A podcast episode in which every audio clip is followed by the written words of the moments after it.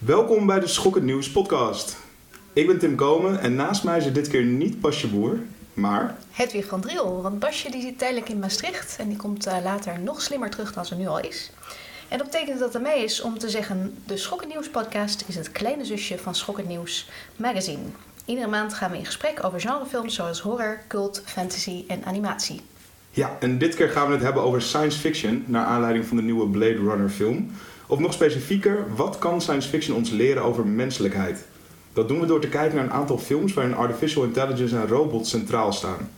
Bij ons is aangeschoven Tim Smit. Hij regisseerde de film Kill Switch, een sci-fi spektakel die hij maakte met een Amerikaanse cast en wereldwijd werd uitgebracht. Verder zit Julius Koetsier bij ons aan tafel, redacteur van Schokkend Nieuws magazine. Jullie kennen hem wel.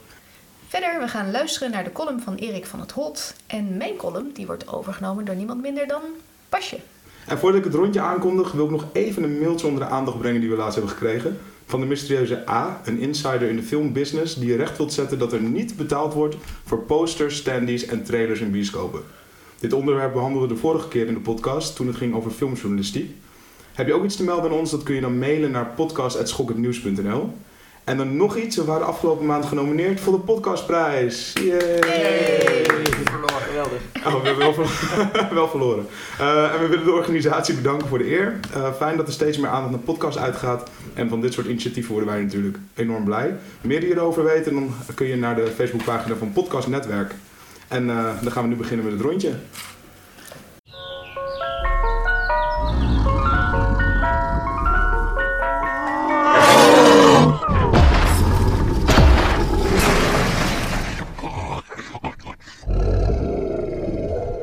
Ja, we gaan het uh, hebben in het rondje over een uh, aantal nieuwe films uh, die draaien. Dus laten we daar maar meteen mee beginnen. Hedwig, jij zag Mother. Ja, en daar werd ik zowel heel blij als heel verdrietig van. Heel blij, want het is zo'n film waar je eindeloos over doorkletsen als, kan als filmliefhebber. En ik heb ook al heel veel discussies gehad op internet met mensen die het totaal met mij oneens zijn. Of grotendeels mee eens zijn, maar toch op dat ene puntje heel erg niet eens zijn. En ik denk dat dat kan omdat het eigenlijk een rommeltje is. Want hoe uh, zonder. Je kan het niet vertellen zonder te veel te spoileren, nou, zeker? Of? Het is moeilijk te weten wat een spoiler is. Want spoilers gaan niet zozeer over het plot, maar het gaat over welke lagen die erin stopt. En wat ik wel kan zeggen, er zijn drie allegorische lagen in. Uh, Aronofsky zelf die zegt dat het belangrijkste is dat het gaat over het uh, milieu en milieuvervuiling. Want dan is Jennifer Lawrence dus moeder aarde en het gaat over al het slechts dat we haar aandoen. Maar ik vind zelf dat die interpretatie het minst goed past die zitten wel in, maar die is eigenlijk meest oppervlakkig. En er zitten nog twee andere lagen in die interessanter zijn, maar waar je heel erg over kan praten, is uh, wat hij afbeeldt in die film en wat dat symboliseert. Vindt hij dat dan goed of vindt hij dat onvermijdelijk of is het eigenlijk een kritiek daarop? En daarover kun je vooral heel erg discussiëren, want hij uh, laat wel veel vragen bestaan met die film. Maar is dat ook niet een beetje de bedoeling van een regisseur dat hij dat soort dingen juist aan de kijker wil overlaten? Of denk je dat hij dat. Nou ja, het rare vind ik dus wel dat hij heel erg zegt van ja, maar dit gaat over het milieu. Dus dan probeer je als auteur toch al heel erg een interpretatie op te leggen aan je publiek. Ja. Terwijl wat ik vaak interessanter vind is inderdaad de lagen die er misschien al wel niet bewust in zitten. En uh, ja, ik uh, vraag me nu wel heel erg af hoe het is om een relatie te hebben met Aronofsky. Dat is eigenlijk het resultaat van de film geweest voor mij. Dat kunnen we vragen aan Jennifer Lawrence zelf, toch? Die, is, uh, ja, die heeft tijdens het filmen wat met de regisseur gekregen, inderdaad. Maar de zoveelste al, want Rachel Weisz had het toch ook? Ja, dat weet ik niet. Naar de Fountain. Dat, uh, wat weet jij dan weer? Ja, ja, ik ben ja maar ik bedoel, het is, ik heb ook wel een beetje medelijden van Aronofsky, want hij is dus verlaten voor James Bond. En ja, dat wens je natuurlijk niemand toe. Die Jennifer Lawrence is ook ah, lekker bezig. maar nee, Rachel Weisz, die is nu met James Bond. Oh, Rachel Weisz, oh, ja. ik dacht... met wow. met uh, Sean Connery of... nee, met Daniel Craig. Ja. Hey, en Tim, heb jij deze film gezien, Mother? Nee, nee, hij staat hoog op mijn lijst. Maar uh, ik ben een beetje bang eerlijk gezegd om te gaan zien. Ik hoor allerlei uh, hele spannende reacties. Het is volgens mij een gespleten film als ik het zo hoor. Zo kan je het zeker wel ja. uh, beschrijven, inderdaad. Ja, ik ben heel ik, uh, ik vond zelf één allegorie die erin zit uh, iets te duidelijk eigenlijk. Of de Bijbelse. Ja. ja. Ik dacht op een gegeven moment van ja, oké, okay, nou weten we het wel, Darren. Weet je, als je, ik zal dan niet te veel weggeven, maar op een gegeven moment zie je dat het personage van Ed Harris op een relevante plek een litteken heeft. Ja. van ja, wat, wat voegt dit nou toe? Behalve dat het nog een soort verwijzing is naar de Bijbel wat voegt het nou toe aan het verhaal? Het maakt alleen maar nog opdringeriger dat dit een hervertelling is van een bepaald Bijbelverhaal. Precies, en wat ik dus, eh, wat niet zo past bij die milieuallegorie, is dat in die Bijbelse is eigenlijk het personage van Javier Bardem is God. Ja. Hm. Maar wat heeft God te maken met wat we onze natuur aan doen? Ik bedoel, Nou ja. ja, Ik vond dat wel een aardig idee. En dat, om, dat hij eigenlijk het scheppingsverhaal hervertelt met de of het paradijs of de natuur Mhm. als personage met een eigen wil. Dat vond ik wel nog een aardig. eh, Nee, zo, ik ben er ook nog niet helemaal over uit hoor, of ik wel helemaal eh, gelijk heb in mijn veroordeling van de film. Want waarom gaat Aronofsky zo erg naar dat hele Bijbels toe überhaupt? Nou, dat heeft hij altijd al gedaan, hè? Ja. Noah zit het ook al Ja, in. Noah en echt Pai ook Oh, al. zit het in Pa is inderdaad de Nee, maar als basis. in Pai Ja, is nee, de ja. basis. En Ja. het is, eh, hij is geloof ik een Joodse atheïst. Oh. Dus zeg maar iemand met Joodse achtergrond, maar die zelf niet in God gelooft. Maar die wel heel erg eh, geïnspireerd is door wat er in de Bijbel staat. En wat er wel weer leuk aan is, is dat Mother kan je zien als een soort horrorversie van de Bijbel. Of een film die laat zien hoe verschrikkelijk en horrorachtig de Bijbel eigenlijk is. Hmm. Dus dat is voor genreliefhebbers denk ik wel leuk om te zien. En Black Swan had die horrorverwij- of eh, Bijbelse verwijzingen? Dat weet ik niet meer Weet precies. niet. Maar het is, het is vast wel. Vast wel. Hey, en eh, Mother die kwam natuurlijk uit eh, op de dag dat, eh, in Nederland dan, op de dag dat It uitkwam. Toch? Wat? Nee. Nee, was een week, zat er een week tussen? Toch? Volgens mij is dat een week Er tussen. zat een week tussen. Maar er zat natuurlijk wel een groot verschil. eh, jullie, ik hoop dat jullie het bruggetje snappen wat ik wil gaan maken. Ja. er zat een groot verschil In box office. in ja. box office, maar ook in de manier waarop hij is aangekondigd en, en werd ontvangen. Julius. Ja, nou ja, de, de, de marketing van eh, Mother was natuurlijk. Ja, het is een, niet- geen gemakkelijke film om te verkopen, maar hij werd gemarket als een soort recht, was een beetje een, een, een recht toe recht aan horrorfilm. En dat is het deels ook wel, moet ik zeggen. Ehm, maar het, is, het is geen eh, The Conjuring of zo. Nee. En It is Nee. natuurlijk heel goed gemarket. Die trailer was al eh, beter bekeken dan de trailer van Star Gewoon de best bekeken trailer ooit. Eh, beter bekeken dan die van Star Wars en al die andere. Wat mij nog steeds een beetje verbaast. Ja. Ehm, maar ja, dat is, ja, Mother is gewoon niet goed. En dat merk je bij heel veel soort alternatieve horrorfilms, zoals The Witch ook. Eh, en eh, hoe heet die andere nou? It Comes at Night. Die worden dan heel slecht gemarket. Ehm, waardoor mensen denken dat het een horrorfilm à la The Conjuring is, of à la Insidious of wat dan ook. En dan zijn ze teleurgesteld. En Ja. dan zorgt dat voor, eh, nou ja. Maar ik moet zeggen, ik, was, ik zat in de bioscoop toen ik naar It ging. En ik zag de trailer van Mother voor It. Maar dat Mhm. was voor mij wel een van de meest opmerkelijke trailers die ik in een lange tijd gezien heb. En ik weet niet of dat juist zo goed was. Heb je hem zelf gezien, de trailer van Mother? Ja, ik heb hem gezien. Maar dat was een hele- Tenminste, als, als wij die zelf hebben gezien. Nou ja, het is, het is een heel erg in your face, ga naar deze film. En ehm, dat vond ik heel erg opvallend, want voor mij deed het daardoor niet direct denken aan een echte horrorfilm. Meer aan een psychologische thriller. En Ja, maar dat is ook een beetje. Maar dat is wel iets wat veranderd is de laatste tijd. Of tenminste, ja, de laatste. Kijk, in de jaren 70 was Don't Look Now en, en The Exorcist. Dat was, nog, dat was gewoon echt een horrorfilm. Ik denk als The Exorcist nu zou uitkomen, zouden mensen zeggen: het is niet echt een horrorfilm, het is meer een psychologische thriller. Wat ik een beetje onzin vind. Ik vind psychologische thriller is gewoon een goede horrorfilm. Ah, als je ja, er bang van wordt. Ja, ja. een beetje, als je, je moet er een beetje bang van worden, dan moet je een beetje van schrikken. ja, Dat vind ik wel. Ja, nee, dat is wat horror is. En dat maar- doet Mother absoluut wel. Hm. Ja. Hij is ook grappig trouwens, vond ik. Dat, dat Ja. hoor ik niet zo. Of het staat in veel veel recensies, wordt niet. Dat het eigenlijk ook een soort Monty Python sketch is op een gegeven moment. Ja, maar dan vraag ik me wel weer af in hoeverre dat bewust is. Ehm, dat maakt mij niet zoveel uit. Nee, bewust maar, is of niet. Het is- je lacht in ieder geval niet omdat het zo slecht is. Je lacht om hoe absurd het is Ja. op een gegeven nee, moment. dat is waar. Ja, ik, wil- ik, ik moet wel zeggen dat zo'n It Comes at Night, daar heb ik dan ook de trailer van gezien en toen zag ik de echte film. Dodelijk saai. Maar goed, die film krijgt enorm goede recensies. Maar ik snap wel hoe je je belazerd kan voelen als publiek. Als je juist niet de grootste horrorfan bent, maar bij Mother denkt, oké, dit wordt een lekker spannende van Ja. de film. Dan krijg je dus iets wat niet. Nee, precies, dan, dan krijg je dat. Ja. En dat is zonde. Nou ja, dat, dat zie je dus ook in de, in de, niet zozeer de recensies van de kranten en van de tijdschriften, maar vooral van de mensen zelf, toch? Die was heel ja, van het publiek. Ja, want in Amerika heb je de Cinema Score. En dat, zijn, dat is gebaseerd op de reacties van het publiek van het eerste weekend. En die geven dan een E tot en met F. En Mother is een van de 10 films ooit die een F 19. heeft. Oh, 19, oké. Een van de 19 films die een F heeft gekregen. En dat heeft niks te maken met dat, dat die mensen dat het een slechte film is, maar heeft te maken met dat hij gewoon niet het juiste publiek heeft gekregen in het eerste weekend. Nee. En dat hij dus slecht gemarket is. En eh It kreeg een B+, wat heel hoog is Ja, voor een horrorfilm. ja. En je hebt hem gezien. En ik heb hem nou twee, ja, ik heb, ik heb hem twee keer gezien. Eén keer in LA en één keer in Nederland. En ehm, weet je, het is wel leuk om die. Dat is een film die dus heel erg voldeed aan de verwachtingen van het publiek. Ehm, en misschien ook een beetje te veilig is. Of even naar mijn mening dan, als horrorfan, vond ik hem iets, iets te. niet oncomfortabel genoeg. Ja, het is gewoon een hele fijne middle-of-the-road horrorfilm. Ja, precies. En er zit, ja, er zit heel veel in. Hij gooit, wat in het boek ook wel zo is. Maar het boek wordt soms echt oncomfortabel. Hm. En dat, dat, dat mist die film een beetje. Ehm, maar hij gooit wel alles tegen de muur. En weet je wel, er zitten eh, alle enge dingen die je kunt verzinnen. Die gebeuren in die film zonder dat het al te veel met elkaar te maken heeft. Ik Ja. geloof dat Tim daar iets over te zeggen heeft. Nou ja, ik zit, ik zit te denken en ik vind het juist zo sterk dat ze deze film eh, gemaakt hebben voor een heel breed publiek. Want het is een film die je, zeker als je het boek gelezen hebt, best wel veel manieren zou kunnen maken. Ehm, en ik vond het juist heel sterk dat ze de, in mijn ogen een hele goede balans gevonden hadden tussen wat Stephen King ermee wilde vertellen en wat een algemeen publiek kan accepteren. Want je kunt meer naar- het boek neigen en dan ga je echt de, de symbolica en de, de, de diepere lagen van Stephen King ga je in en dan krijg je bijna dat psychedelische wat het ook heeft. En dat vond ik heel erg leuk als, als lezer en als fan van zijn boek. Maar ik denk als film zou dat minder gewerkt hebben. Dus het is echt denk ik een veilige Nou ja, keuze in. Mother zitten wel van die grensoverschrijdende momenten. Precies. En Ja, dat nee, dat duidelijk ook. niet. Ja, Nee, maar ik had wel iets meer... Je hebt bijvoorbeeld in die film heb je die, eh, die zwerver die Eddie op een gegeven moment aanvalt, weet je wel? Of die aanvalt, leper. ja. Ja. En in het boek zegt hij dat hij Eddie wil pijpen.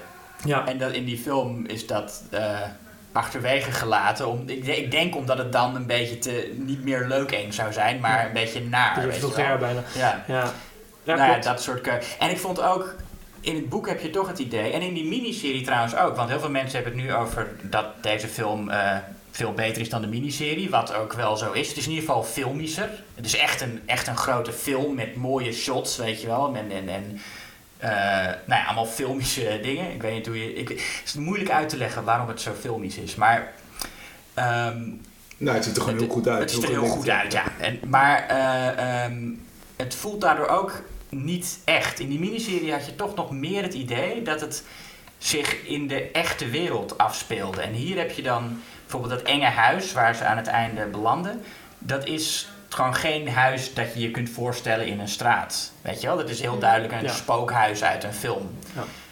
Ehm, en dat soort dingen, ja, het, het, het ziet er allemaal veel eh, romantischer uit eigenlijk dan het, dan, de, de- dan het echte leven. Dat kun je zo op de pose zetten. Julius Koetsier, romantisch. Dus It, ehm, het is natuurlijk nu een gigantische hit. Ja, ja En- begrijpelijk ook wel.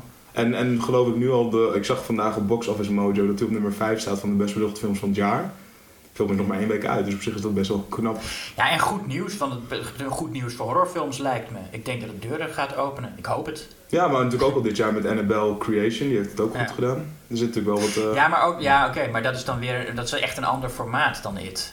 It is echt een high budget, weet je wel. Ik weet niet wat het budget van Annabelle Creation was, maar... Ik denk misschien... Ja, het ligt wel in elkaars verlengde wel. In die zin van niet zozeer qua budget, maar je bent wel... Zeker qua type film en ook de, het gebruik van, van eh, visual effects in, in dit soort Mhm. horrorfilms ligt erg in elkaar. En ik, ik moet zeggen, persoonlijk vind ik dat trouwens meestal niet zo goed werken. Als je heel veel eh, budget gooit tegen een horrorfilm en daardoor heel veel eh, gladde Ja, en mooie nee, effecten krijgt. Maar ik vond het op een of andere manier toch wel werken. Ja, nee, zo ook. En, en hij was wel echt, eh, hoe zeg je dat in het Nederlands, character-based. En dat Ja, vond ik ook wel fijn. hele Dat, sterke... ja, dat je echt scènes hebt die je alleen maar met de personages doorbrengt. En het is ook lang, 2,5 uur. Dat, vind Ja. ik niet per se, dat vind ik niet per se een- iets goeds als een film zo lang is. Maar het is wel lekker om te zien dat een horrorfilm van die lengte, met, die echt om, over personages gaat, naast over de, de eh, goedkope scare-momenten die er ook in zitten, Ja. dat dat zo'n hit wordt. Ja. Hey, zou jij ooit een horrorfilm willen maken, Tim? Het lijkt me heel gaaf. Maar ik denk dat ik, als ik een horrorfilm maak, dan zal het wel echt een, een, een, een grote eh, comedy component moeten hebben. En ik ben dan een erg fan van meer de gore. Dus echt de, de, de denk aan, aan de films van Peter Jackson toen hij eh, begon als filmmaker.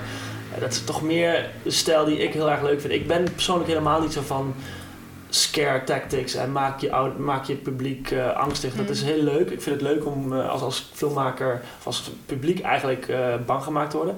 Maar als filmmaker zelf triggert het mij dan meer om dat het extreem op te gaan. Dan zou ik eerder zo'n een, een brain dead willen Of maken. een bad taste. Of een bad taste, ja. ja dat, dat ligt dan meer in mijn... eh, Een straatje. ja, exact. En wat heb jij gezien de laatste tijd dat eh, indruk op je heeft gemaakt?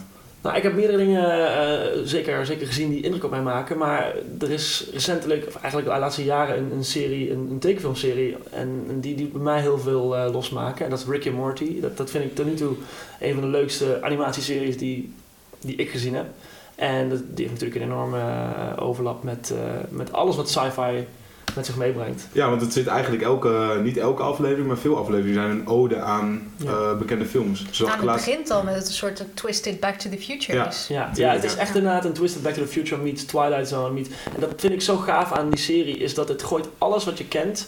En dan heb ik het niet alleen over, over sci-fi, maar ook hè, monsters en fantasy. En het pakt alle thema's, alle elementen en gooit het eigenlijk in één serie. En dat met een hoog tempo. En het leuke is, al die extreme concepten, al die archetypes die erin zitten... staat dan heel erg mooi in contrast met een soort van dysfunctional family.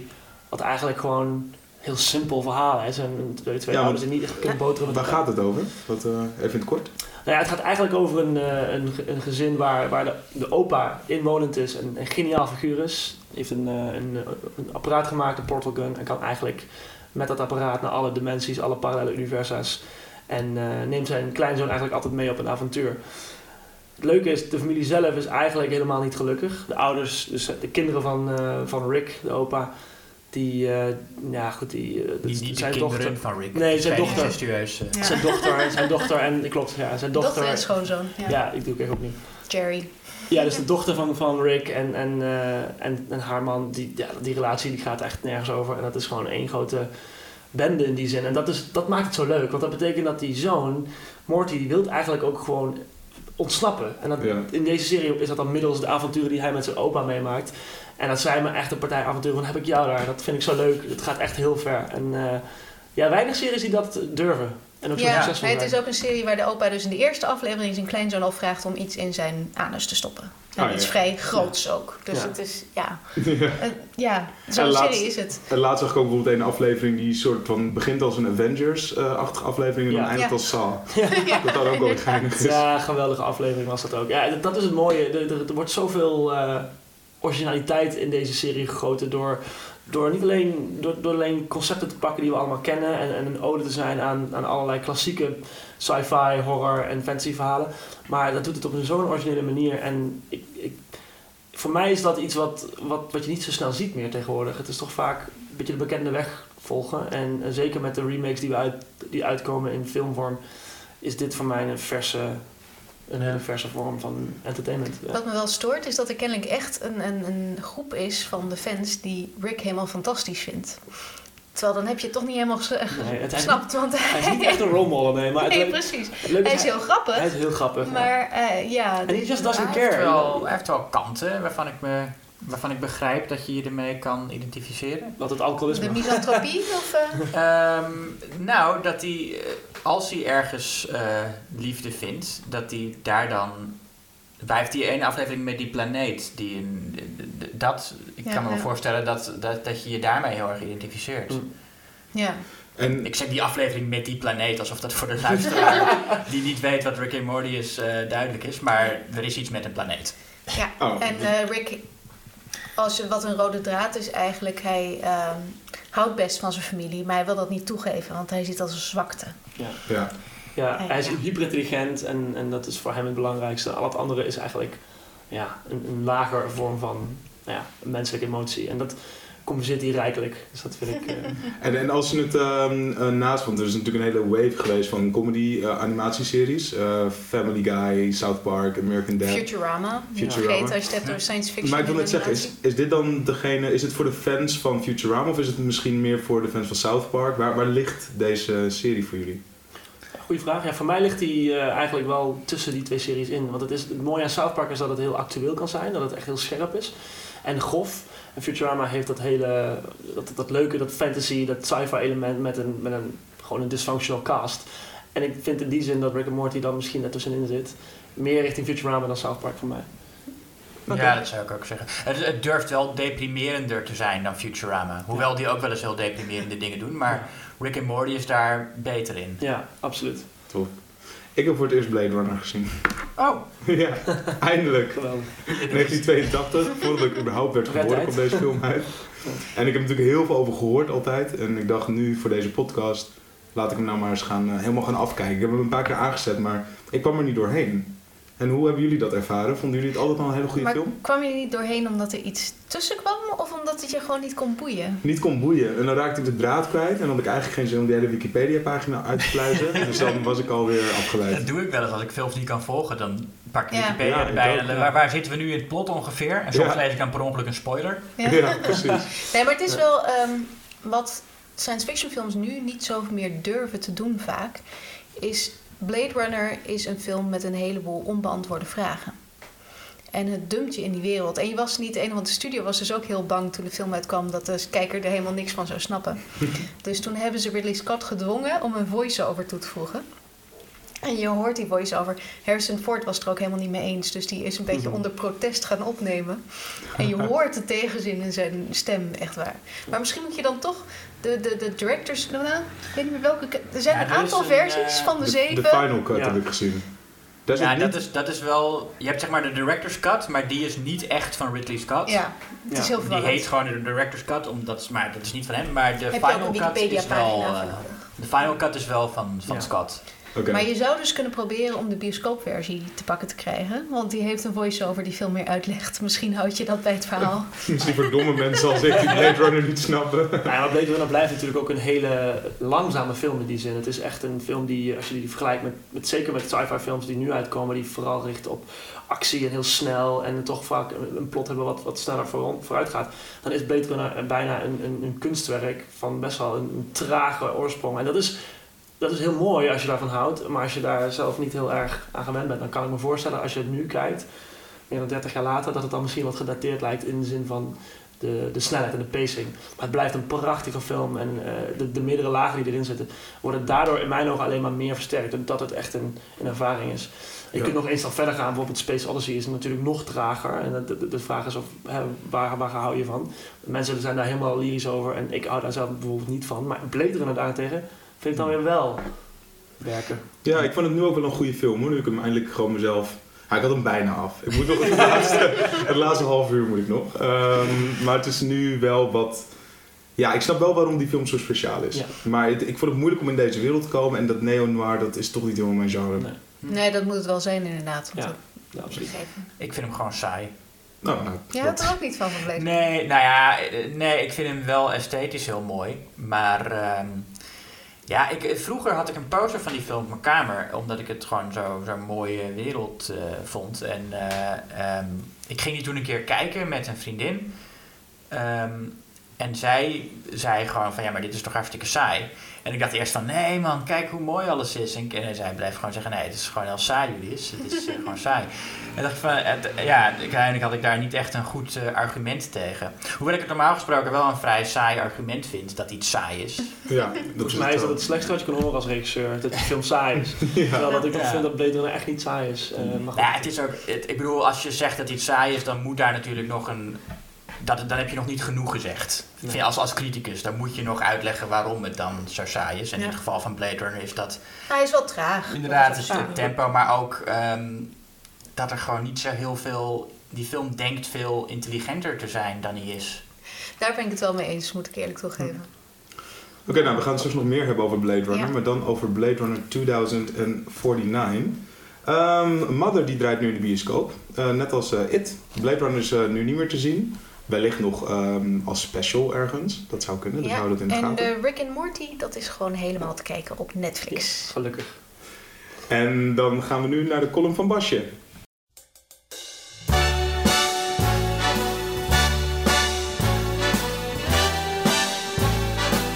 Hallo allemaal. Ik zit eens niet aan de tafel bij Tim, maar ik ben in Maastricht, waar ik in september en oktober verblijf. Vandaar ook dat Hedwig mijn rol even overneemt aan de, de tafel van de podcast.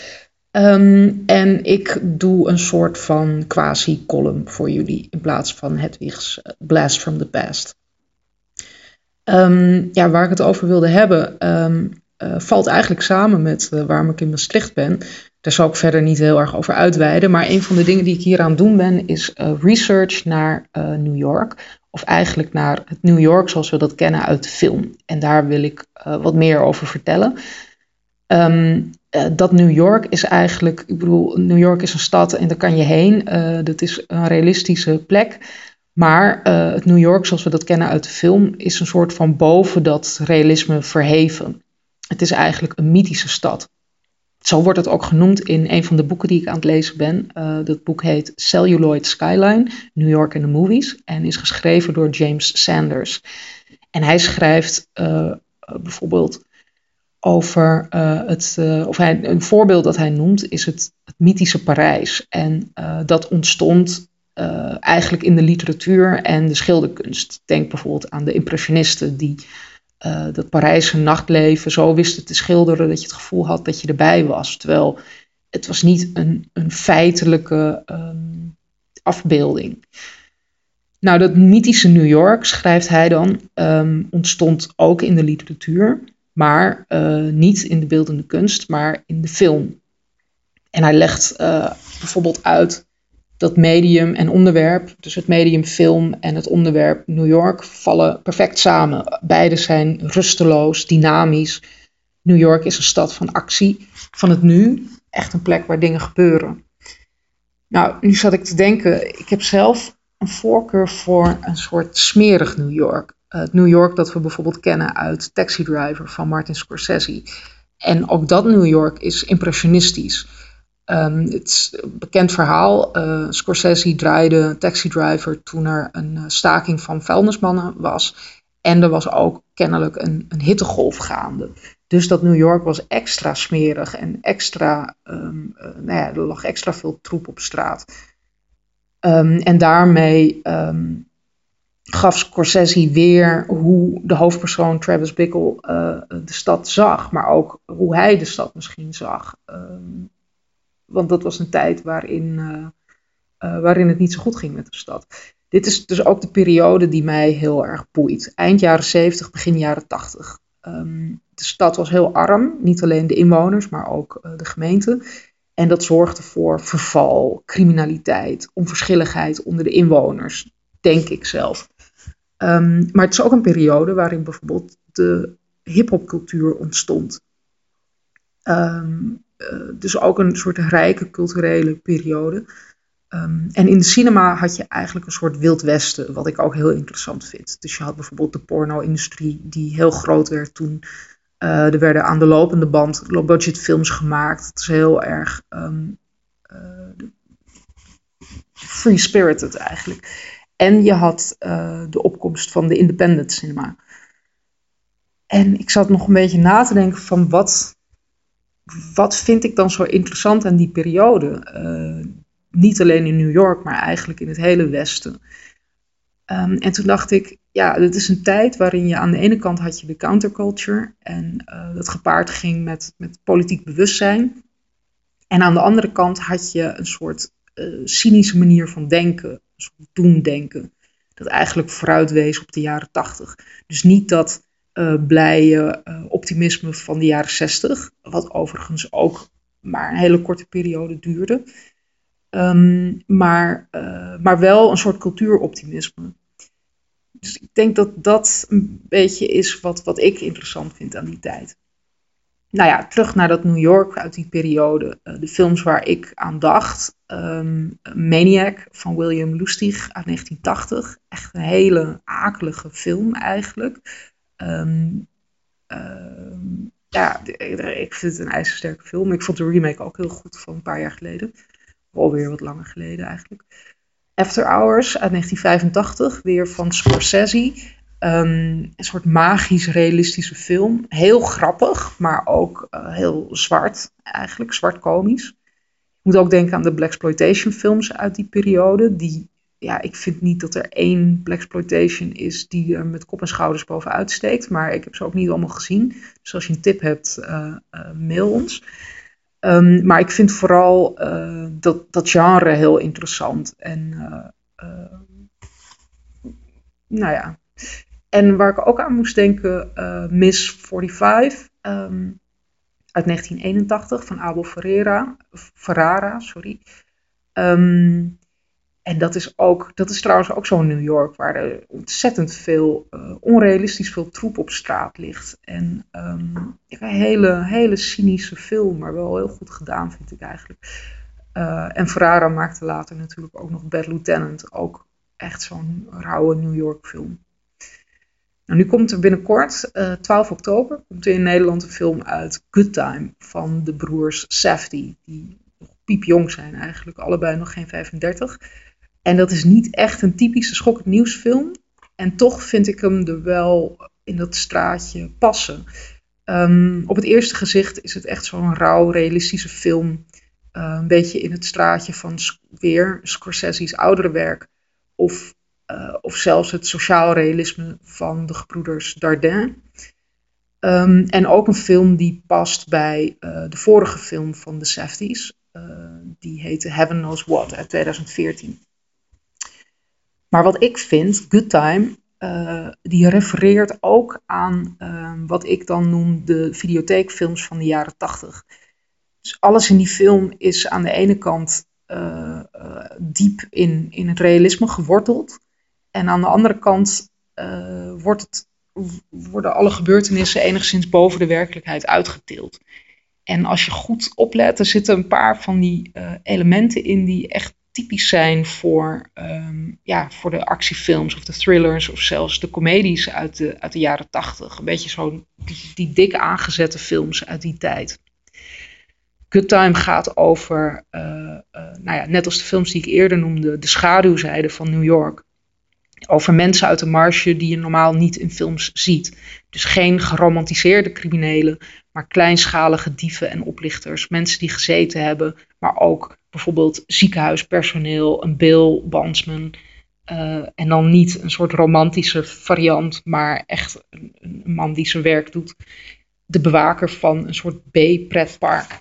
En in het, het hart van de film een jongen met een mentale achterstand. Um, ja, verder, je moet niet te veel over die film weten. Het gaat over twee broers, um, kleine criminelen. En, um, en de een moet de ander eigenlijk uh, zien vrij te krijgen uit de gevangenis. En, en daar draait de hele film om. Het is echt een steengoede film. Wat mij betreft absoluut een van de beste van het jaar. En een film gemaakt door echte New Yorkers over New York. En in de traditie van de onafhankelijke cinema van New York. Uh, Basje, bedankt voor je bijdrage en uh, tot de volgende keer weer. Anders zit ze hier als het goed is weer aan tafel. Maar anders zijn we ook heel erg blij met het. Um, uh, Tim zit hier aan tafel, Tim Smit. En uh, hij heeft uh, de film Killswitch geregisseerd. dat was eigenlijk een, een verlengstuk, kan ik wel zeggen, van What's in the Box, in the Box in 2009. Dat is een shortfilm die ruim 2,5 miljoen views heeft.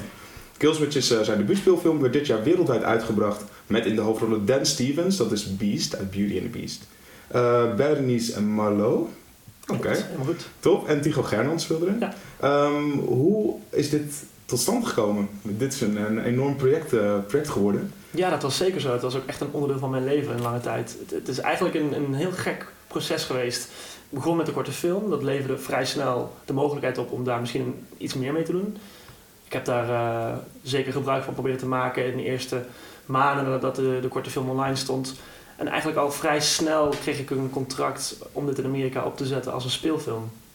Nou, dat leverde, zoals het gaat in Hollywood, een, een lang proces op in dit geval. Uh, we hebben zeker vastgezeten in een aantal jaren, omdat we niet heel erg uitkwamen, omdat het script wat we wilden schrijven, moest het concept ondersteunen. Het concept voor de mensen die het niet weten, dat is dat wij eigenlijk de film vertellen vanuit de ogen van de hoofdpersoon. Als een echt een, een videogame, een shooter.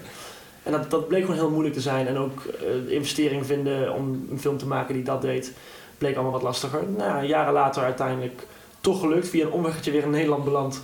In Nederland toch gedraaid. En, uh, en uh, ja, dat, dat, is in 2014 geweest. Toen heb ik twee jaar lang de visual effects gemaakt. En uiteindelijk dat uitgebracht eind vorig jaar. Dus eigenlijk dit, dit, jaar hier in Nederland. Maar ja... En was het, dit is natuurlijk een jongensdroom die, die uitkomt. Was, Ja, het, was het ook echt, um, ja, hoe is het om op zo'n set te staan met, met Amerikaanse acteurs? Ja, dat was echt heel, heel leerzaam en ook heel leuk. Maar voor mij was het de eerste keer dat ik überhaupt met acteurs werkte. Dus alles was nieuw.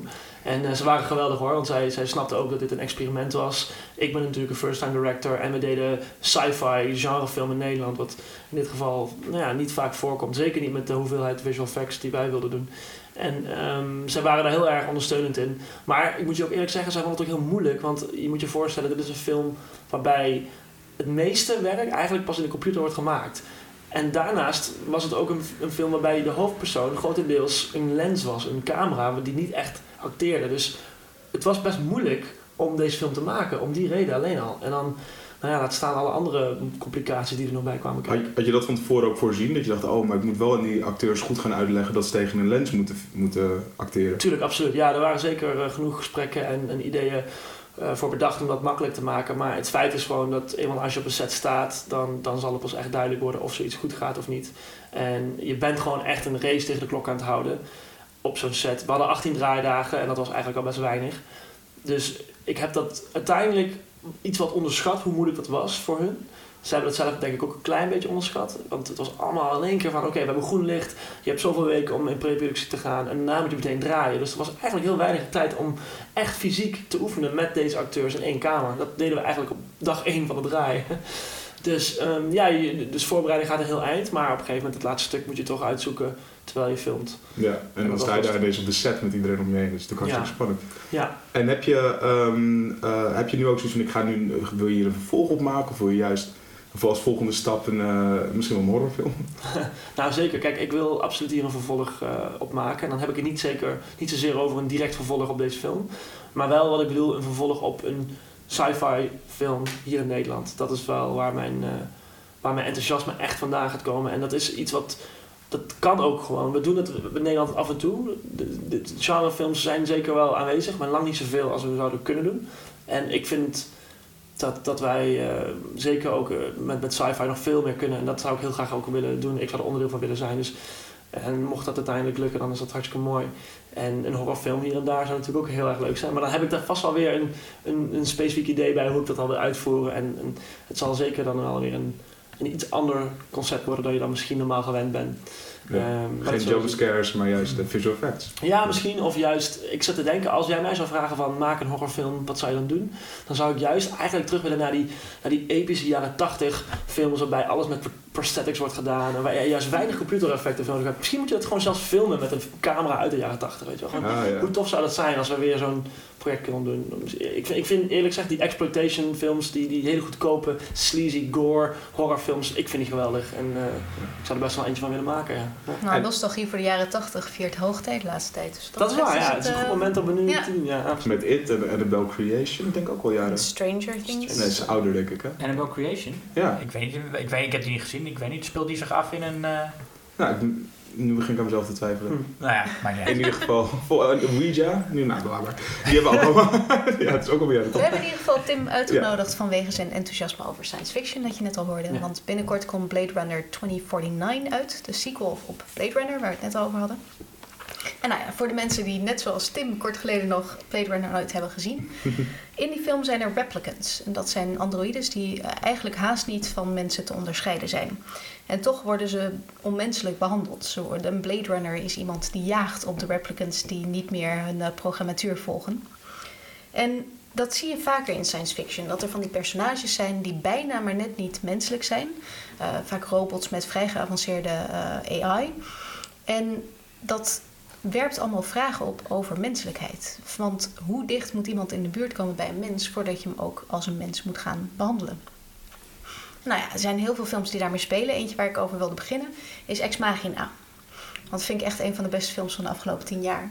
En waarom dan? Waarom is, is dit thema dat, dat het voor jou het zo speciaal ja, maakt? Het, wordt, het, thema wordt er heel mooi in, uh, in uitgediept. Want waar het om gaat is een, uh, een wetenschapper. Het is vaak een wetenschapper in dat soort films. Uh, Nathan, gespeeld door Oscar Isaac. Met een, ja, het zou niet moeten werken, kaal met een baard. Maar he pulls it off somehow.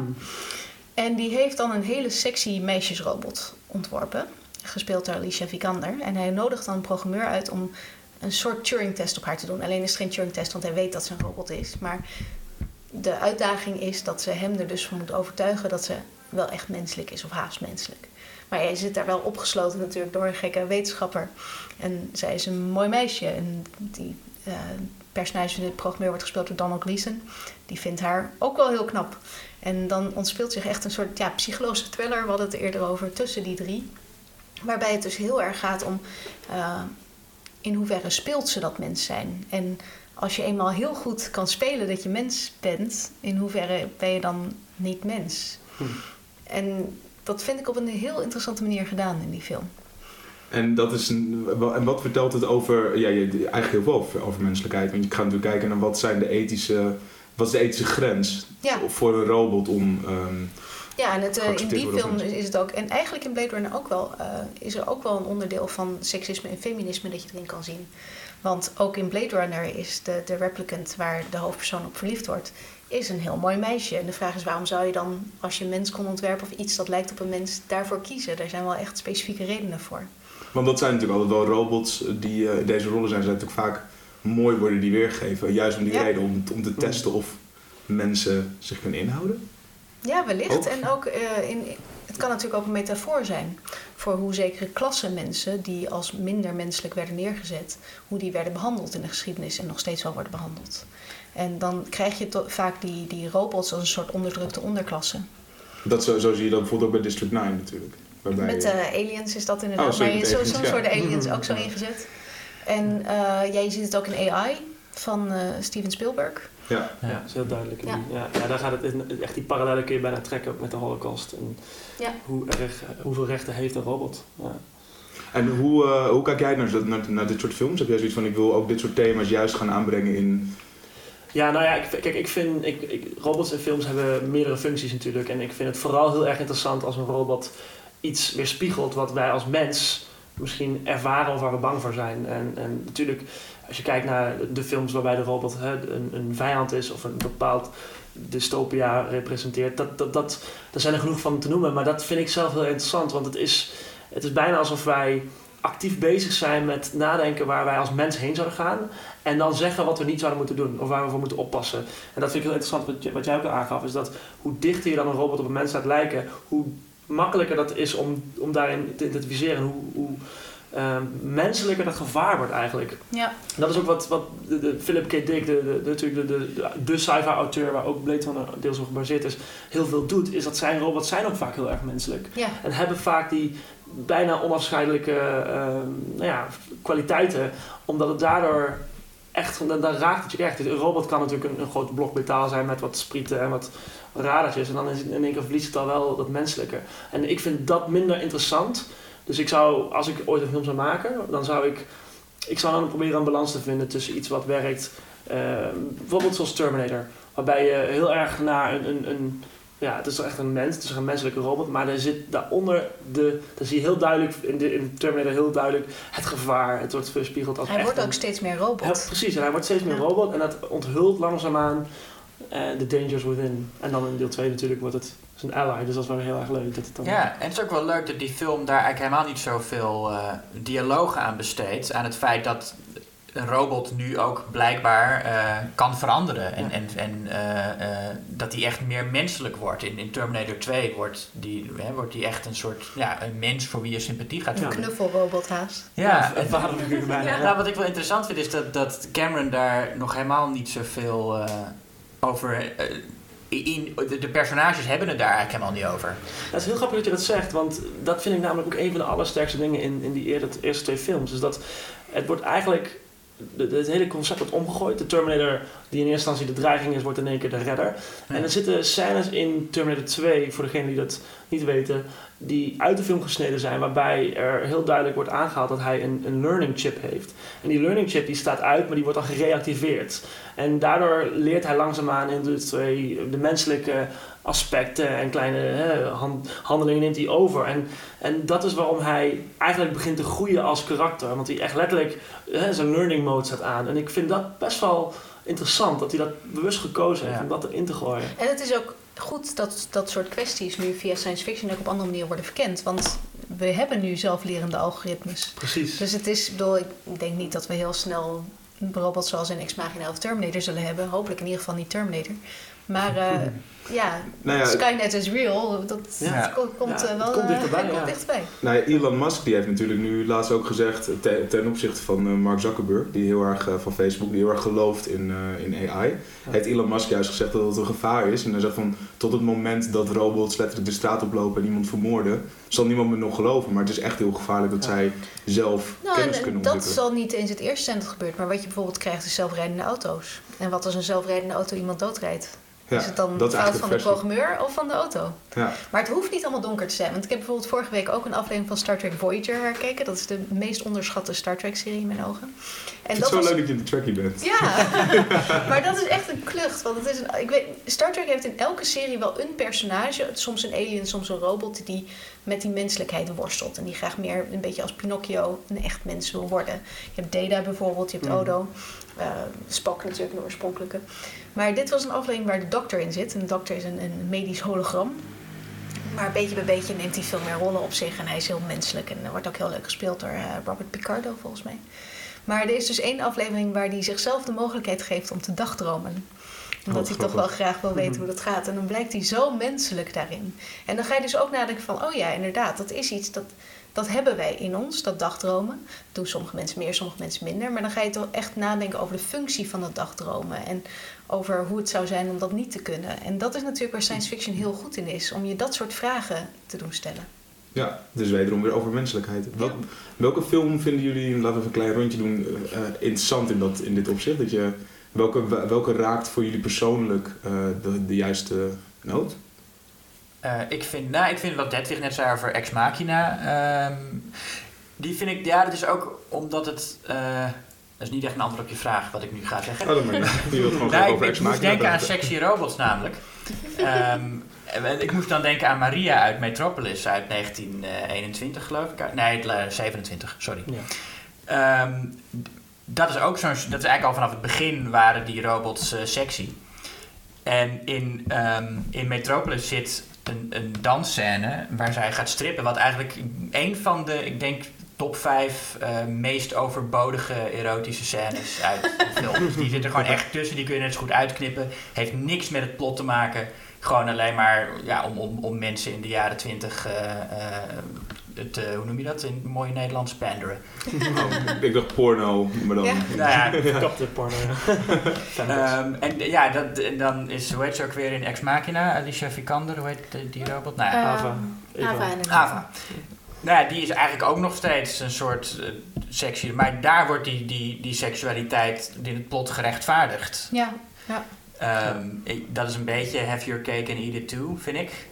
Maar maar het is ook van als je eruit ziet als een sexy vrouw, ben je dan ook een sexy vrouw direct. ja, Want dat is, die robot is natuurlijk het uiterlijk heel bewust door, voor gekozen door die Nathan. mm, Ja. Maar eh, in een zeker opzicht krijgen we in het leven ook maar een lichaam toebedeeld waar we het mee moeten doen. En dat vormt natuurlijk hoe degene die in dat lichaam zit zich gedraagt en voelt. ja.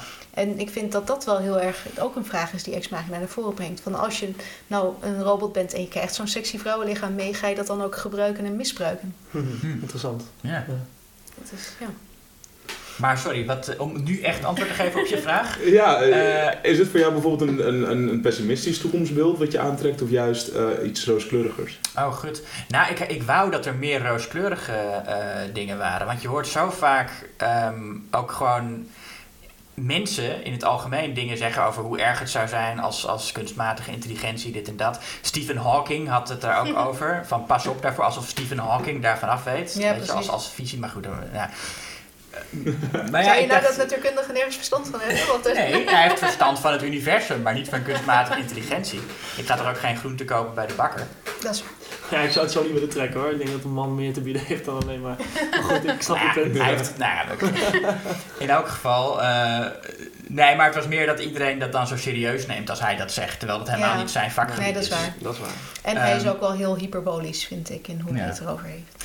Ja, ik, ik denk dat het ook best, eh, het, het hoeft helemaal niet zo ernstig te zijn, lijkt mij, als je, Want noem eens een paar van die rooskleurige films dan. nou ja, Daar zit ik aan te denken. Ik kan er nauwelijks een bedenken. We- Ik kan, ik kan er wel eentje ja, ingooien. Misschien, ja, of je moet het hebben over dingen als Star Wars, waar er eigenlijk heel weinig aandacht besteed wordt aan. eh, Ja. Oh, maar BB-8 is zo schattig.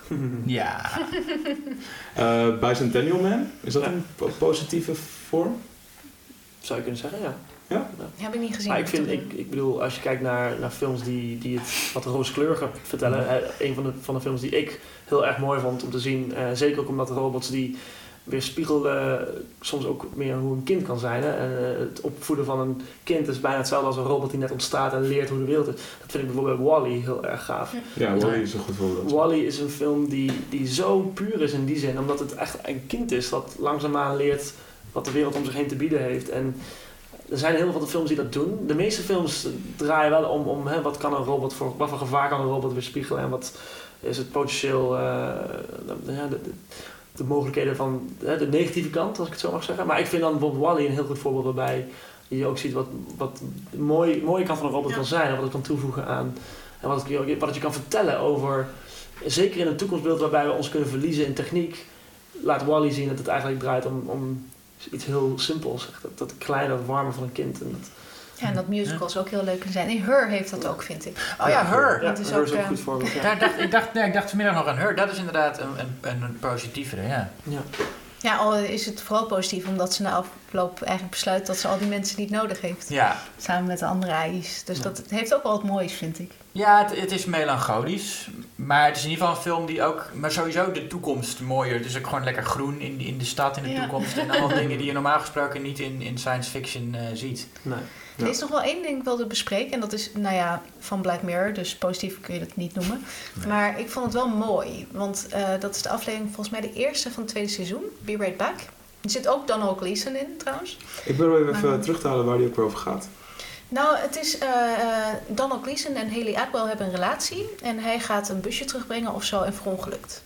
Maar hij was nogal een eh, actieve social media gebruiker en internetgebruiker. Dus hij heeft een heel grote fingerprint achtergelaten op het internet.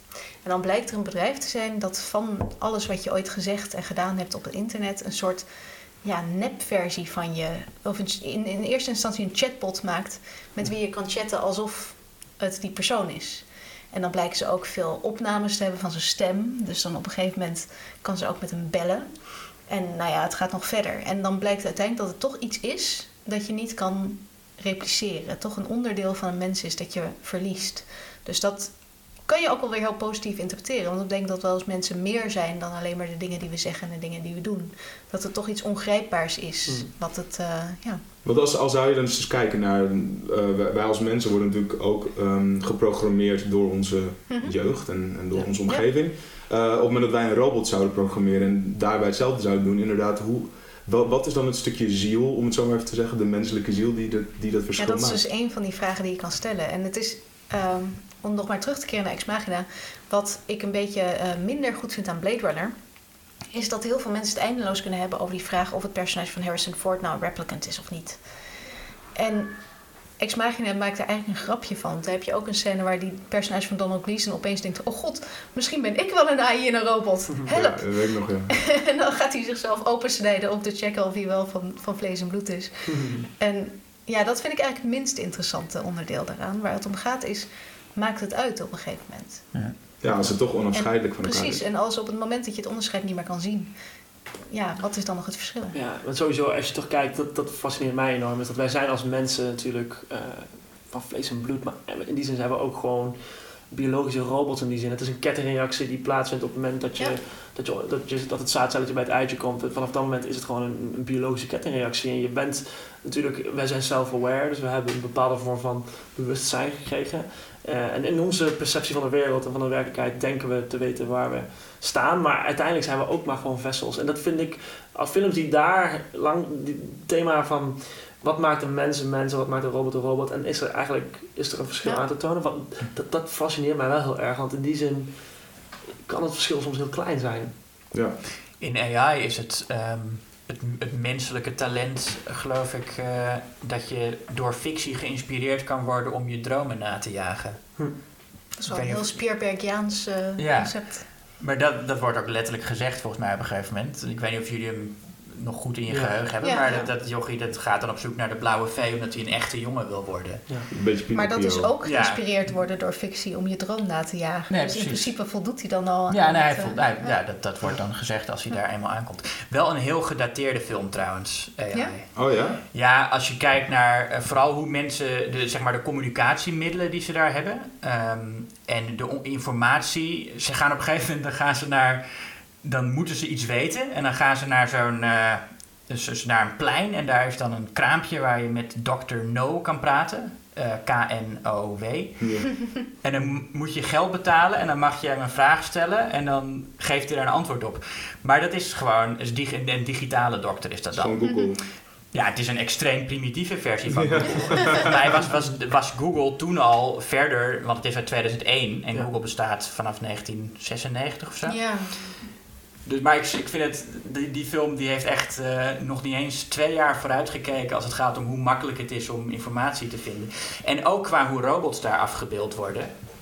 Ik denk als je echt een robot kan maken, want de, de film gaat erover dat er een, een robot gemaakt wordt van een jongetje die liefde kan voelen voor in dit geval zijn moeder. En ik denk als je een robot kan maken die zo eh, complex is, dan hoeft hij niet zo sociaal onhandig te zijn als die robot is in die film. Want dat is ook programmatuur natuurlijk. Ja. Dat moet je ook leren sociaal zijn. En dat kun je ook gewoon eh, zo'n robot... eh, Ja, precies. En het jochie dat is echt zo naïef en die snapt niks van. Die weet alleen dat hij van zijn moeder houdt. En verder moet hij alle sociale regels leren. En Hmm. hij is altijd gehoorzaam aan wat mensen...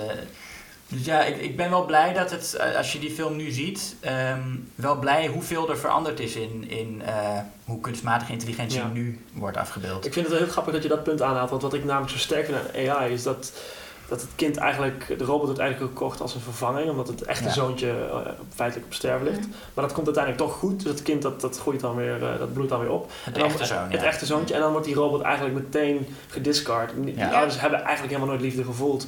En ik denk dat dat ook de reden is waarom, het, eh, waarom de robot wat geanimeerd over moet komen. Is om dat over te kunnen brengen. Dat, dat, Ja. dat je inderdaad...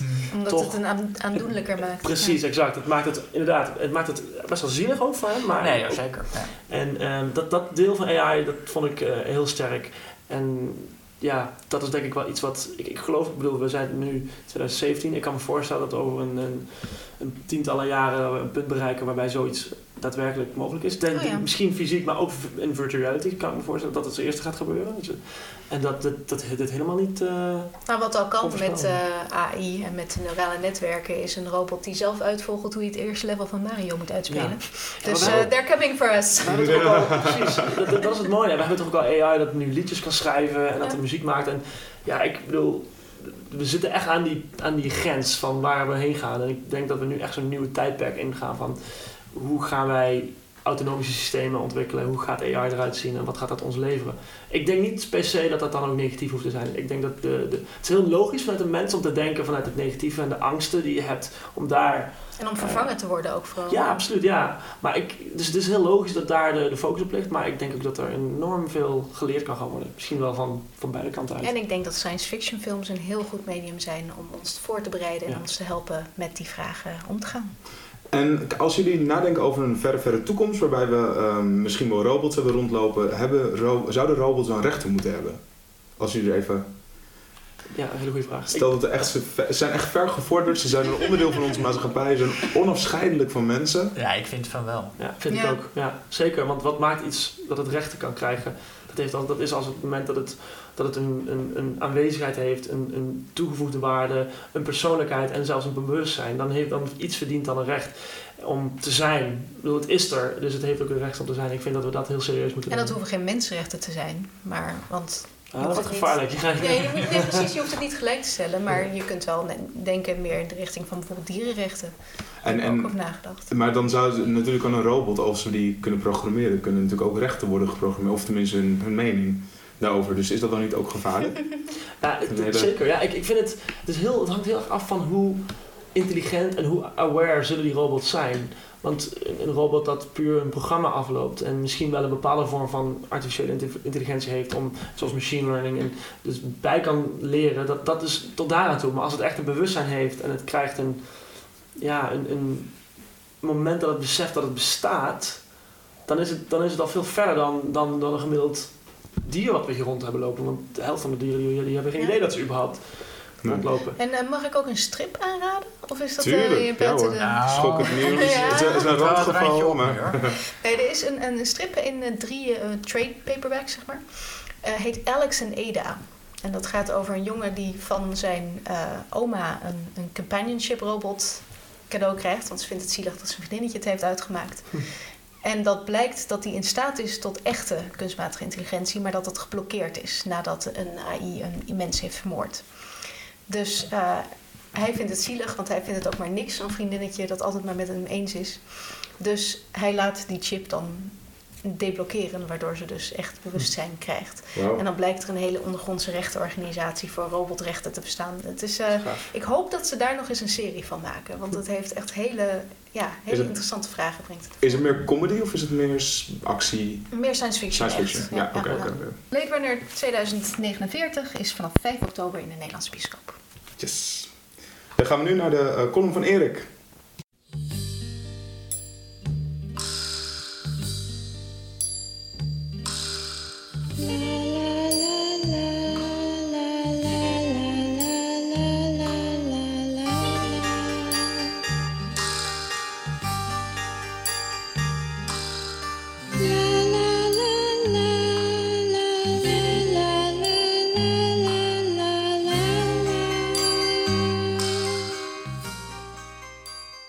Slaapliedjes en kinderversjes worden vaak in horrorfilms gebruikt om spanning op te roepen en een creepy atmosfeer te creëren. Maar waarom werkt dit cliché toch zo goed? Voor een deel heeft dat waarschijnlijk te maken met het contrast, de discrepantie tussen de kinderlijke onschuldige klank en de verschrikkingen die op het scherm getoond worden. Maar als je goed luistert, zit het ook vaak in de uitvoering van het liedje zelf. Er klopt iets niet. De lullaby die je aan het begin hoorde komt bijvoorbeeld uit Rosemary's Baby. Het wordt gezongen door hoofdrolspeler Mia Farrow. Ze klinkt een beetje afwezig. Haar zang is lijzig en er zit een kleine echo in, waardoor het een tikje onheimisch wordt. Die echo is een veelgebruikte truc om het wiegeliedje een spookachtig karakter te geven. Een wat recenter voorbeeld is Samantha's Lullaby uit Gore Verbinski's remake van The Ring. In dit liedje is de echo niet alleen een effect of een truc, maar klopt het dramaturgisch gezien ook. Samantha wordt door haar moeder in een put gegooid. En door de echo klinkt het een beetje alsof Samantha ons toezingt vanuit haar holle graf.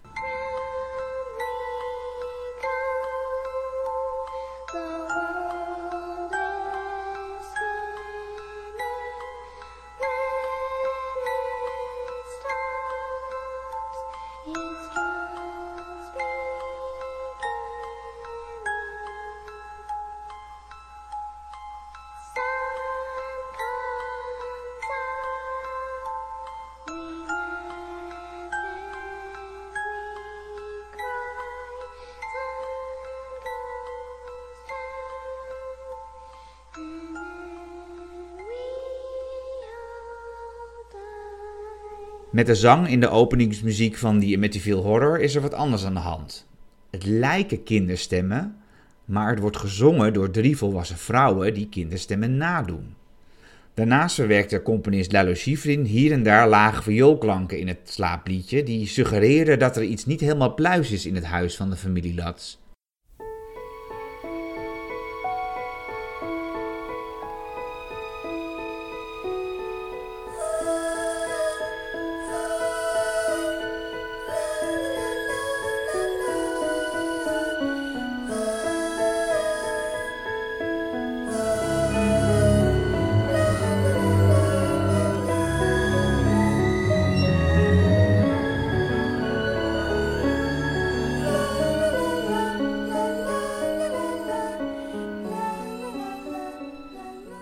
Bekendste horrorkinderliedje is ongetwijfeld het aftelversje uit de Nightmare on Elm Street films.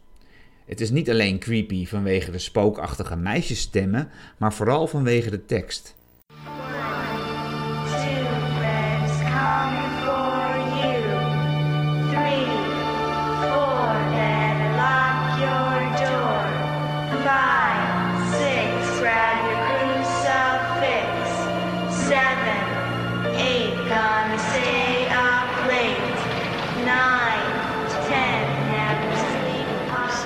Freddy aftelversje is gebaseerd op One to Buckle Shoe.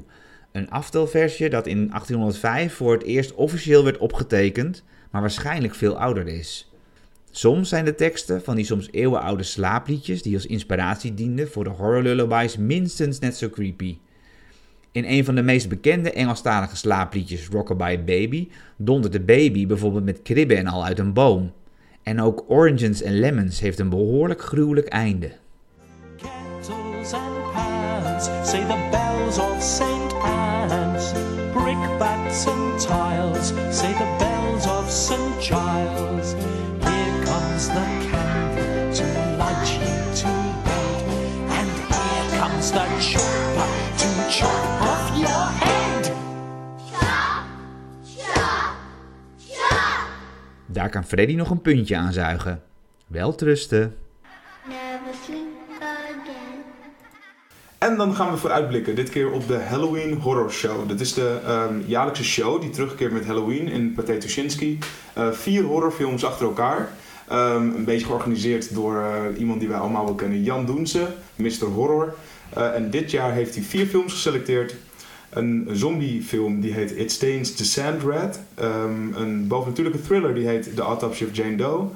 Jigsaw, dat is het nieuwe deel in de Toch Saw-serie. nog één. Toch nog weer eentje. Hij was toch al lang al dood, die, eh Ja. die moordenaar. En dan ook nog eens de eh, slasher Don't Hang Up. Ehm, wij hebben net even de trailers gekeken. Eh, ik heb ook al een van deze films helemaal gezien, maar dat vertel ik straks wel. Welke, eh, laten we even een rondje doen en bij jou beginnen Tim. Ja. Welke kijk je het meest naar uit en welke kijk je het minst naar uit? Nou, heel eerlijk, degene die ik denk dat de beste is, dat is niet zozeer de film waar ik het meest naar uitkijk. Ik eh, denk namelijk dat de Autopsy of Jane Doe de betere van de vier is, gebaseerd op de trailer. Maar ik kijk eigenlijk toch wel uit naar die Jigsaw, want ik was eigenlijk wel fan van de originele reeks. Ik vond het toch best wel leuk wat ze daarmee gedaan hadden, dat het allemaal interconnected was. En ik ben dan wel heel benieuwd wat ze met een, met een deel 8 kunnen doen, dus eh, daarvoor zou ik gaan. Dit is volgens mij ook, als ik het zo een beetje inschat, het is van de makers eh, ja, van de, de Spierig Brothers. Die hebben ook Ja. eh, Daybreakers bijvoorbeeld gemaakt, Ja. die zombiefilm. Eh, vampierenfilm, sorry. Ehm vampierenzombies, denk ik. Ja. Een vampierzombiefilm. Daybreakers? Ja, Ja. Ja? ja, ja.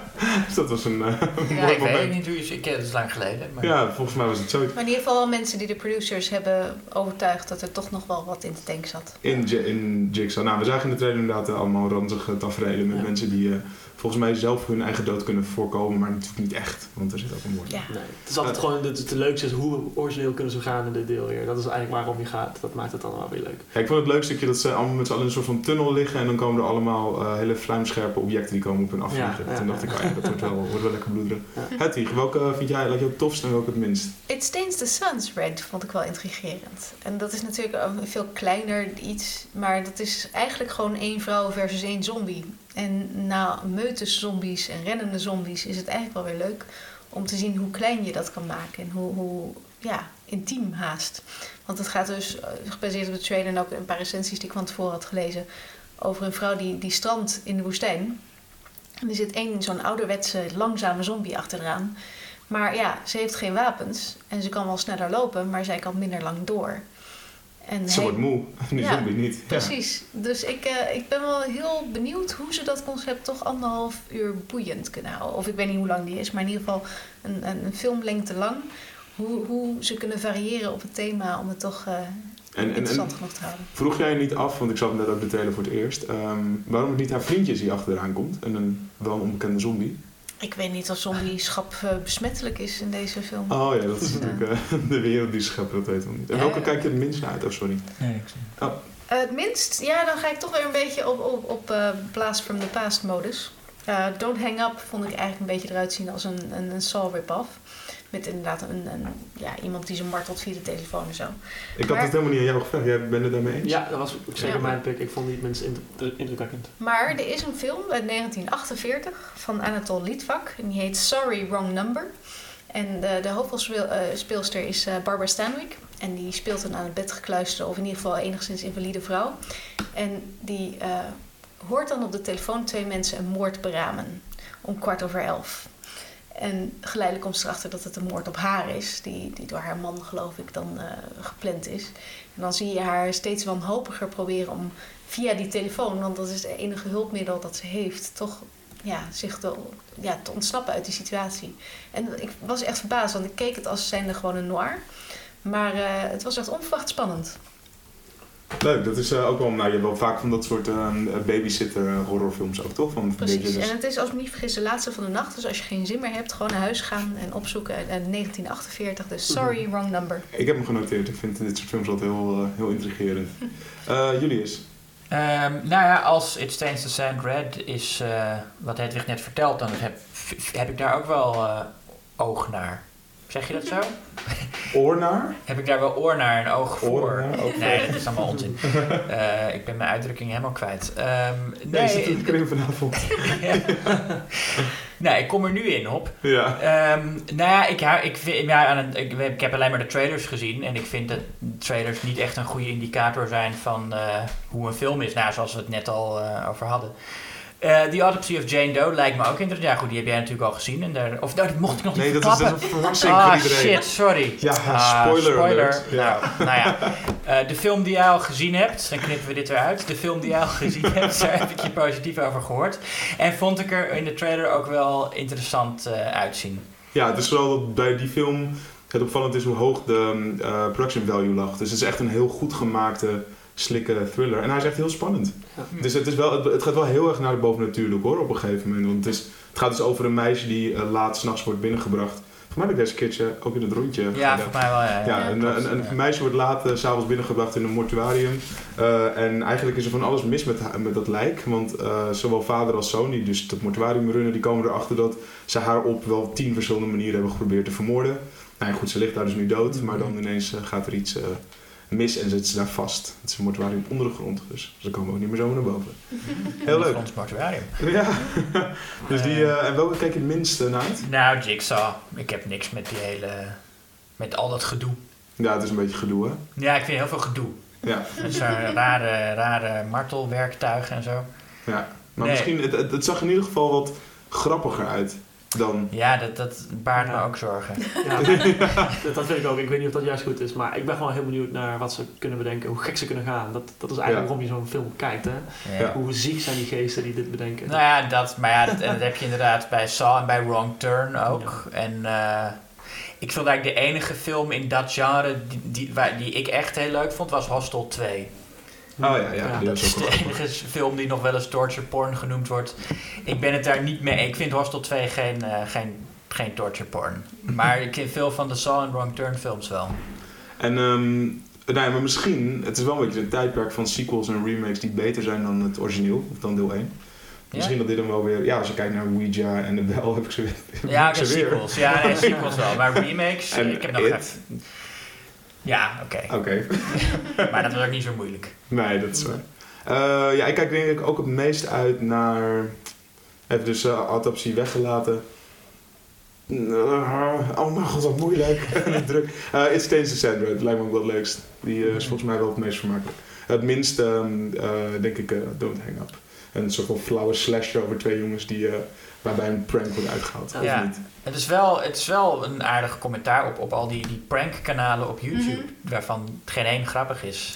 Ja, maar het is toch in een horrorfilm, het werkt het beste als je toch een beetje meeleeft met de slachtoffers. Ja, dat is waar. En Ja, ze zijn wel irritant, nu al in de Precies. trailer. ja. Ja, Ze zijn, prankster, voor, ja. in de tweede, ik vond ze nog niet zo irritant als de echte, als, als de mensen die dat echt doen. Zo'n prankkanaal op. YouTube. ja, ja. Ik kon ze dus niet uit elkaar houden, die twee jongens, in de trailer. Nee. Nee. Plots erg op lijken. Ehm, Oké, nou, dat was het, eh, het, dit vooruitblik. Eh, Ja, mocht je dat wat lijken, vier horrorfilms achter elkaar. Dat kan op 28 oktober in Tuschinski. En ga naar horrorshow.nl voor meer info en kaartverkoop. En dat was hem alweer. Ik vond het heel leuk om eens een keer aan tafel te zitten in plaats van mijn stukje gewoon vanuit Eindhoven in te sturen. Goed om te weten. De Schokkennieuws podcast gaat iedere laatste donderdag van de maand online.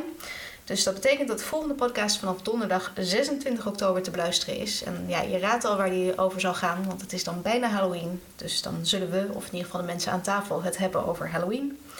Het eh, laatste nummer van Schoknieuws Magazine is uit en dat is een ode aan Stephen King. En ik heb toevallig al een sneak peek gezien van de cover van het aankomende nummer. En dat ziet er echt heel gaaf uit. En die heeft een eh, special over The Johnsons. Een Nederlandse horrorfilm die nu 25 jaar oud is. Tot slot, We zijn natuurlijk heel eh, benieuwd naar reacties. eh, of het nou insiders zijn uit de bioscoopindustrie of eh, andere dingen. Laat ons weten wat je vindt via onze social media kanalen. Dus we zitten op Twitter, Facebook, Instagram. En je kan ons ook mailen op podcast.schokkennieuws.nl. Ja, Hedwig, je was een waardige vervanger van Basje. Dankjewel. Dankjewel, leuk. Ik hoop dat je er vaker bij kan zitten als eh Basje niet kan. Ik ook. Tim, wat vond jij ervan? Ik vond het heel leuk. Ja? Ja, ik kom graag nog een keer terug mocht het eh, nodig Zeker. zijn. Tuurlijk. Ja. Als er een nieuwe film er is, dan sowieso. Maar ook als we ooit weer eh, Nee. professioneel sci-fi eh, meningen nodig hebben, dan ben je hartstikke Zeker een beetje praten over sci-fi, gekke horrorverhalen, heerlijk. Nee, ik ben altijd eh, fan. Top, heel fijn. Zo kom ik namelijk ook altijd als ik mensen benader van het is een beetje slap ouwe hoeren in de crew. Ja. Maar dat is het ook. Nou, jullie Ja. eens? Ik vond het heel stom. Nee, ik, vond, ik vond het gezellig, ja. En leuk om ook met Hedwig een keer dit eh, in plaats van Basje. We hadden eigenlijk een soort body swap. vinden Basje ook heel lief. Ik, ja, Basje is ook, is ook heel Som. goed. Eh, we hadden eigenlijk een body swap thema moeten hebben. dat dacht Omdat ik ook zij nu jouw column Ja, doet ja, en ja. jij... eh, Oh, dat kunnen we de volgende keer doen. Ik kom nog een keertje terug om het over Freaky Friday te hebben. Zo. Yes. Oké, hey, dankjewel jongens. En eh, een fijne avond en dag voor iedereen die luistert. Ligt eraan welk moment van de dag je ja, luistert. dat weet je nooit met een podcast. dat is waar. Tot horens in ieder geval. Doeg.